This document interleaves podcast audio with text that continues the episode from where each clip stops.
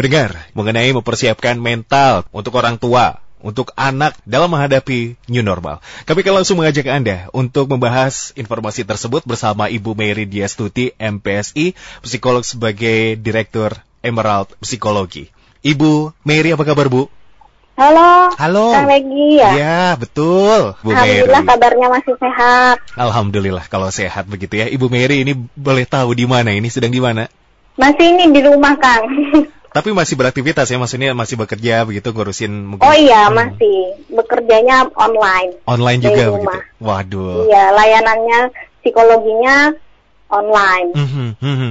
Dan pasti Ibu Mary bersama rekan-rekan yang lain atau sesama orang tua begitu ibu ataupun uh, bapak ataupun anak-anak ini juga kan uh, kondisi seperti ini kan terus terus dinamis ya berubah uh, dari kebijakan begitu ya dari PSBB, PSBB transisi dan nanti dicanangkan dengan tatanan kehidupan baru ataupun new normal. Dalam menghadapi hal tersebut, Ibu Mary, apakah ada efek psikologis uh, mental secara langsung yang juga tentunya terasa? Iya. Kalau menurut saya untuk orang dewasa yang sebagai pencari nafkah tentu ini menjadi harapan baru ya Kang dengan adanya new normal Mhm, dari mhm. pemerintah. Mhm. Ya kan, karena Mhm. kita tahu sendiri kan kondisi perekonomian Betul, Ibu. dampaknya luar biasa. Jadi menurut saya pasti orang-orang dewasa yang punya peran sebagai pencari nafkah di keluarga pasti akan eh, senang punya harapan baru. Tapi untuk orang tua, terutama yang punya anak-anak usia sekolah, baik Mhm. masih usia dini, Iya, SD, iya, iya. Itu pasti ada cemasnya ya dengan adanya kemungkinan sekolah formal akan dibuka dalam eh, konteks new normal ini gitu. Mhm, mhm. Terus untuk orang lain banyak juga saya lihat eh, yang biasa-biasa aja karena pada masa karantina ini juga ya menganggap ini biasa-biasa aja. Jadi Mhm, kondisi mhm. new normal ini justru mereka bertanya apa sih new normal itu gitu. Hmm. Terus kita mesti gimana nah gitu. Karena merasa nggak ada bedanya ya antara masa karantina dengan masa eh, yang nanti akan ditetapkan sebagai kondisi new normal itu gitu kan. Baik, Ibu Mary, terima kasih uh, pandangannya mengenai hal tersebut. Jadi tentunya secara sudut pandang ini akan berbeda-beda ya Bu ya, bagaimana Betul. kondisi dan tentunya usia uh, Persepsinya dewasa. orang kan beda-beda. Betul, setiap karakter juga berbeda-beda begitu ya Bu ya. Betul. Nah ini kalau misalkan secara menyeluruh begitu, apakah untuk masyarakat kita Jawa Barat ataupun Bandung, bagaimana siap menghadapi era ataupun new normal ini atau dengan tatanan kehidupan baru yang juga tentunya mau tidak mau ini sebentar lagi akan dilaksanakan bersama-sama. Iya, siap nggak siap kan harus siap ya kalau sebagai individu dewasa. Oke. Gitu Kang. Mhm, Jadi ya harus eh, makanya kan ini juga belum ditetapkan kan sama pemerintah resminya Betul, kapan. betul, betul. Cuma kan terus dipromosikan. Mhm, mhm. Tujuannya kan agar bisa bersiap-siap untuk beradaptasi. Kan intinya kan adalah eh, mau menjalani kehidupan yang seperti dulu tapi dengan protokol kesehatan. Gitu kan intinya. Iya, iya. Jadi harus pakai masker, harus jaga jarak, rajin cuci tangan, menghindari kerumunan itu kan poin utamanya. Hmm. Ya, begini salah satu eh, adaptasi yang bisa kita lakukan. Karena kalau Hmm. dibiarkan mungkin secara perekonomian dampaknya akan semakin memburuk ya. Iya, gitu. Jadi ini satu-satunya jalan mungkin seperti itu dari pemerintah. Tapi kalau untuk anak-anak untuk masuk ke kehidupan new normal itu kan eh, banyak aspek yang perlu dipertimbangkan juga seperti Mhm. itu, terutama dari sisi kesehatan, baik dari sisi mental juga kayak gitu, fisik dan psikisnya seperti itu. Baik Ibu Mary, siap tidak siap memang harus siap secara keseluruhan apalagi untuk orang dewasa dalam hal ini yang dikaitkan dengan ekonomi finansial begitu ya, kegiatan sehari-hari begitu pun dengan anak-anak juga sama harus diperhatikan dalam hal ini. Karena kalau misalkan memang penyesuaian ataupun adaptasi tidak cepat dilaksanakan, biasanya efek apa yang bisa terjadi di setiap individu? Misal begitu ya Bu Mary, apakah ini juga ada kaitannya secara psikologis? Ya, kalau nggak disiapin kan berarti perilakunya yang diharapkan tidak terjadi ya Kang ya. Hmm. Ya, jadi kemungkinan terburuknya kan kemungkinan terburuknya ya. Jadi mungkin akan meningkat lagi mungkin angkanya seperti itu. Ini kan kayak buah si malakama gitu ya. Di satu sisi kita harus tetap hidup eh, untuk menghidupi kehidupan kita, kebutuhan basic kita tetap harus dipenuhi. Tapi di sisi lain eh, ini eh, apa nggak bisa dianggap sebelah mata. Memang kenyataannya ada seperti ini di kehidupan kita seperti itu. Jadi ya yang diharapkan ya masyarakat bisa mau mengikuti himbauan pemerintah Oke, Karena baik. kan Mhm. di Indonesia tidak di masyarakatnya tidak di semua kota itu bisa patuh ya. Ada di beberapa kota yang kita lihat bisa patuh sehingga angkanya itu bisa sangat bisa ditekan. Tapi ada yang tidak patuh sehingga bisa melonjak eh, naik dan banyak faktor juga ya yang mempengaruhi seperti itu Kang. Oke, Di baik. Indonesia sih Mhm. oh, oh, kayak gitu ya. Mhm, Jadi mhm. sangat majemuk masyarakatnya Betul, betul. dan banyak aspek juga sih yang mempengaruhi. Ya, apalagi juga dengan kultur yang berbeda-beda Indonesia ini ya, Bu. Iya betul. Itu juga Untuk berpengaruh. kota-kota yang Mhm, mhm. sangat patuh ya karakternya sama Mhm, mhm. mungkin figur otoritas, Iya, iya. terus terutama yang patuh sama norma-norma eh, budayanya Mhm, itu mhm. Eh, kelihatan ya lebih Betul. lebih patuh gitu, Betul. gitu. Tapi ada banyak kota yang juga nggak bisa Iya, eh, iya. apa terlihat tidak bisa. Maksudnya kita, kita tahu sendiri ya eh, untuk eh, perbedaannya di masing-masing kota gitu Hmm, kan. betul, Jadi, betul. Makanya nih pemerintah menurut saya mempromosikan dari sekarang agar Mhm, tujuannya masyarakat itu paham maksudnya new normal itu kayak gimana. Karena orang kan tergantung mindsetnya ya. Iya, Kalau iya. dia nggak suka misalnya pakai masker karena ngerasa nggak nyaman, tersiksa dan lain sebagainya kan akhirnya nggak pakai gitu kan. Tapi kalau ngerasa ini penting untuk diri sendiri dan orang lain kan kesadaran itu membuat dia menerima dan mau melakukan perilaku yang baru seperti itu. Ibu Mary juga tadi menyampaikan kalau kondisi misal digambarkan kepada anak-anak begitu ya yang pasti bertanya kepada orang tuanya new normal itu apa dan lain sebagainya. Menurut Ibu apa saja yang harus disiapkan ketika bersiap menghadapi new normal misalkan eh, membekali dengan pengetahuan kepada putra-putri begitu? Iya, kalau anak-anak menurut saya sih tidak sepenuhnya paham ya Kang apa itu bedanya antara normal dan new normal. Cuma ya selama masa karantina orang tuanya bisa mengedukasi ya mereka mungkin sudah paham ya. Oh kalau keluar itu harus pakai masker. Tapi kan kita tahu kenyataannya maskernya bertahan di hidungnya itu sampai berapa lama ya kan? Nah, apalagi kalau sudah masuk di lingkungan sekolah yang supervisi dari orang tuanya tuh nggak ada. Nah, makanya kita bisa bayangkan kan kecemasan orang tua tuh di situ sebenarnya. Kalau hanya untuk membuat anak bisa mengikuti protokol kesehatan yang bisa diawasi orang tua itu kan masih bisa ya keluar sebentar, main masih bisa diawasi. Tapi masalahnya kan kalau sekolah itu sudah lepas kontrolnya orang tua. Nah, di situ masalahnya Kang. Jadi makanya sih eh, banyak orang tua yang masih belum siap untuk melepas anak-anaknya untuk masuk ke sekolah formal. Ini eh, berlaku juga hingga yang sekolah menengah atas, Ibu atau kebanyakan lebih ke Kalau TK? saya sih Mhm. lebih ke anak-anak usia dini, Oke. PAUD, TK, dan SD, SD ya. ya. Mhm. Jadi kalau SMP dan SMA itu kan relatif sudah bisa diajak diskusi, Betul, sudah mengerti ya Bu. sudah Mhm. bisa berpikir Mhm. secara logis dan berpikir secara abstrak. Jadi mereka sudah mulai bisa untuk menerima, oh iya keadaannya berbeda tujuannya. Kalau anak-anak karakteristiknya kan disuruh untuk nggak deket-deket sama temennya kan nggak mungkin Kang. Bener Iya, nggak? betul. Yang takutnya jadi membangun karakter baru ya, Bu. Iya, kan mereka nggak ngerti maksudnya kenapa kok nggak boleh deket-deket sama temennya. Iya, Kalau iya. pakai masker lama-lama bisa copot karena memang nggak enak kan buat mereka seperti itu. Tapi kalau anak yang sudah menjelang dewasa, misalnya eh, SMP, SMA itu masih bisa menurut saya ya untuk diedukasi secara formal seperti itu. Baik, itu dia gambaran eh, pendengar ya apa yang disampaikan oleh Ibu Mary. Ini setiap eh, keluarga ini memiliki kesulitannya tersendiri ya, Bu ya. Bagaimana cara menerapkannya itu juga pasti akan berbeda-beda. Karena itu tadi banyak sekali eh, di belakangnya seperti kultur, terus juga mungkin karakteristik. Ini dikembalikan ke setiap keluarga. Lalu kadang juga repot ya orang tua ini kepada putra-putri yang masih anak-anak belia begitu ya. Ini kan kalau nanti new normal ini kan mulai aksesnya mulai dibuka kembali. Itu juga maksudnya masuk ke tahapan tatanan baru walaupun sekolah masih belum beraktivitas seperti biasa ya, Bu. Tempat-tempat Iya. umum. Ini bagaimana tanggapan Ibu apakah tetap untuk anak-anak janganlah jangan dulu keluar. Sebaiknya sih iya ya tetap dibatasi ya Kang. Kan kalau kalau di rumah tuh masih bisa dalam kontrolnya orang tua kan Kang. Oke, oke. Kalau pergi keluar rumah pun masih dalam kontrol orang tua menurut saya ya. Mhm, mhm, mhm. Jadi masih ada kontrolnya secara penuh kecuali kalau di sekolah Hmm. gitu. Kalau di eh, kita bisa batasi waktu keluar ya ada waktunya dan tidak terlalu lama, tidak dibebaskan terlalu lama seperti itu. Jadi masih bisa untuk dikendalikan, masih kita bisa eh, ngawasi itu masih bisa gitu. Tapi Oke. kalau sekolah itu yang menurut kami itu berat Mhm, gitu mhm. ya. Orang tua tuh cemasnya di situ karena kontrolnya itu yang nggak ada dari kita, apalagi karakteristik anak-anak yang oh, eks- sukanya eksplorasi ya. Betul, betul. Gitu. Dan kenyataan di lapangan bahwa angkanya kan belum turun secara signifikan. Iya, masih tinggi ya Bu untuk Indonesia Iya, nih. Mhm. masih tinggi.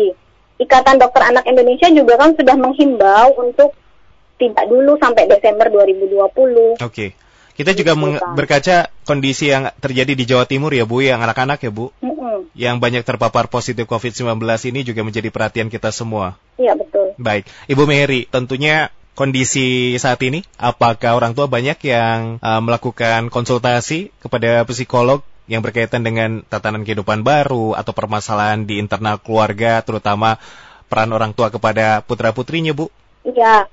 Kalau sejauh ini lebih kepada regulasi emosi orang tuanya sendiri ya. Kenapa, Bu? Jadi yang stres kita sebenarnya orang dewasanya kan Kang. Iya, betul, betul. Gitu. Mhm. Jadi mereka lebih stres eh, di situ. Kalau untuk anak-anak sih masih bisa ya Mhm, dihandle. Apalagi kalau sudah disediakan permainan, permainan bersama, bermain alat bermain bersama di rumah gitu. Sesekali keluar rumah itu bisa.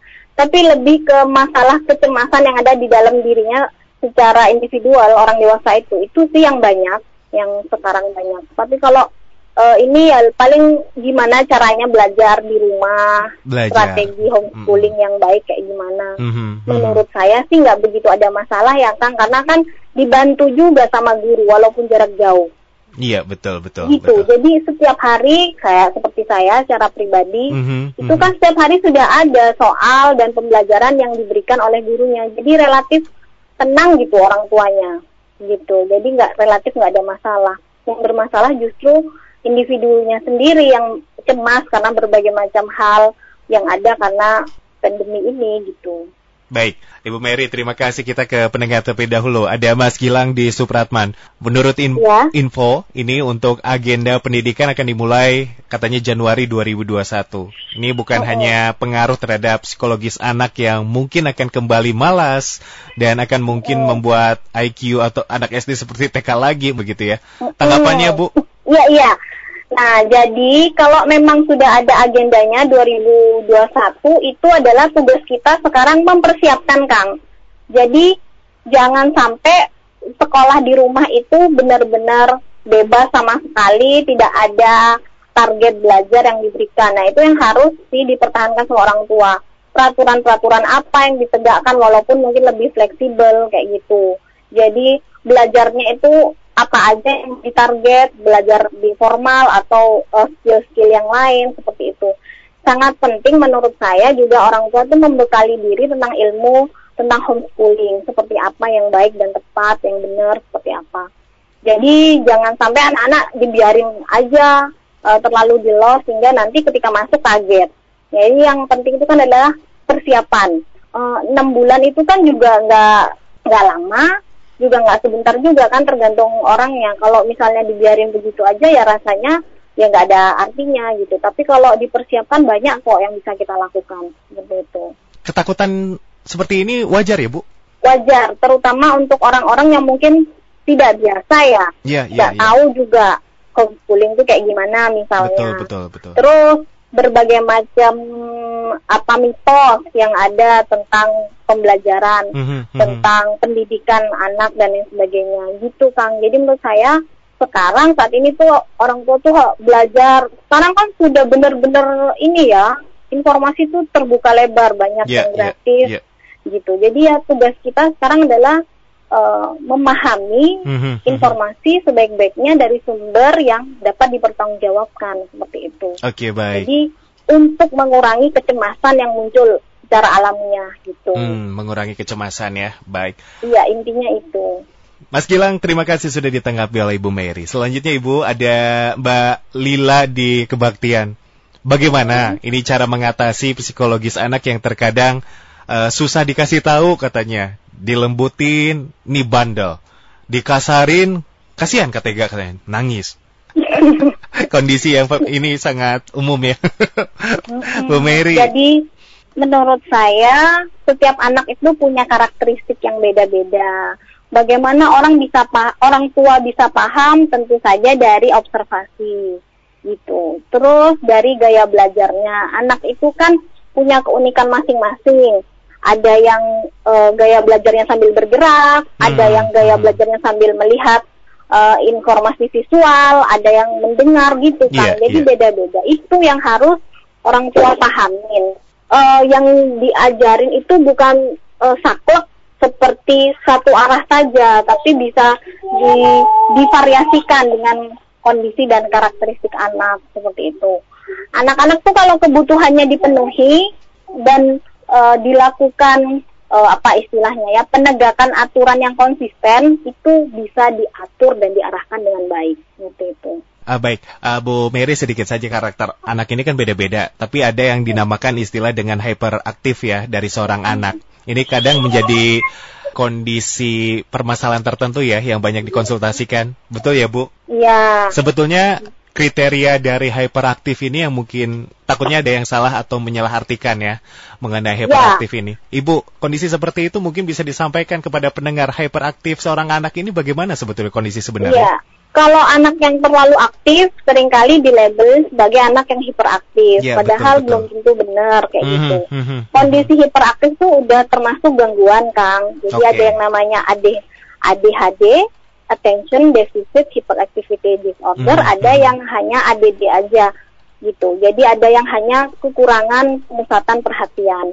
Nah, biasanya itu mereka punya uh, rentang konsentrasi yang sangat kurang gitu. Mm -hmm, Terus mm -hmm. sangat uh, apa namanya bergerak seperti motor kayak gitu tidak pernah ada capeknya dan lain sebagainya. Mm-hmm. Nah, jadi bagaimana kita bisa ngeceknya kalau misalnya sudah seperti uh, apa di atas rata-rata ya aktivitasnya hiperaktivitasnya itu mungkin bisa segera kita cari uh, profesional untuk dikomunikasikan agar bisa diobservasi lebih lanjut. Benar nggak? Ini termasuk gangguan.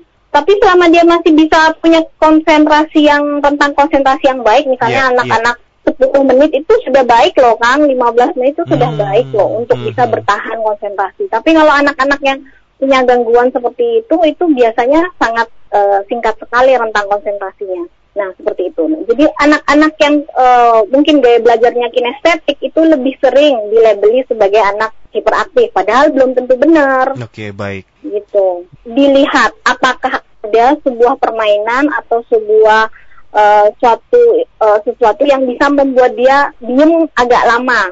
30 okay. menit aja dia bisa fokus misalnya hmm, dikasih mainan Lego hmm, atau ya coba dilihat kalau memang bisa diem berarti itu menarik buat dia Hmm. Dan dia bisa konsentrasi di situ, kayak gitu kan.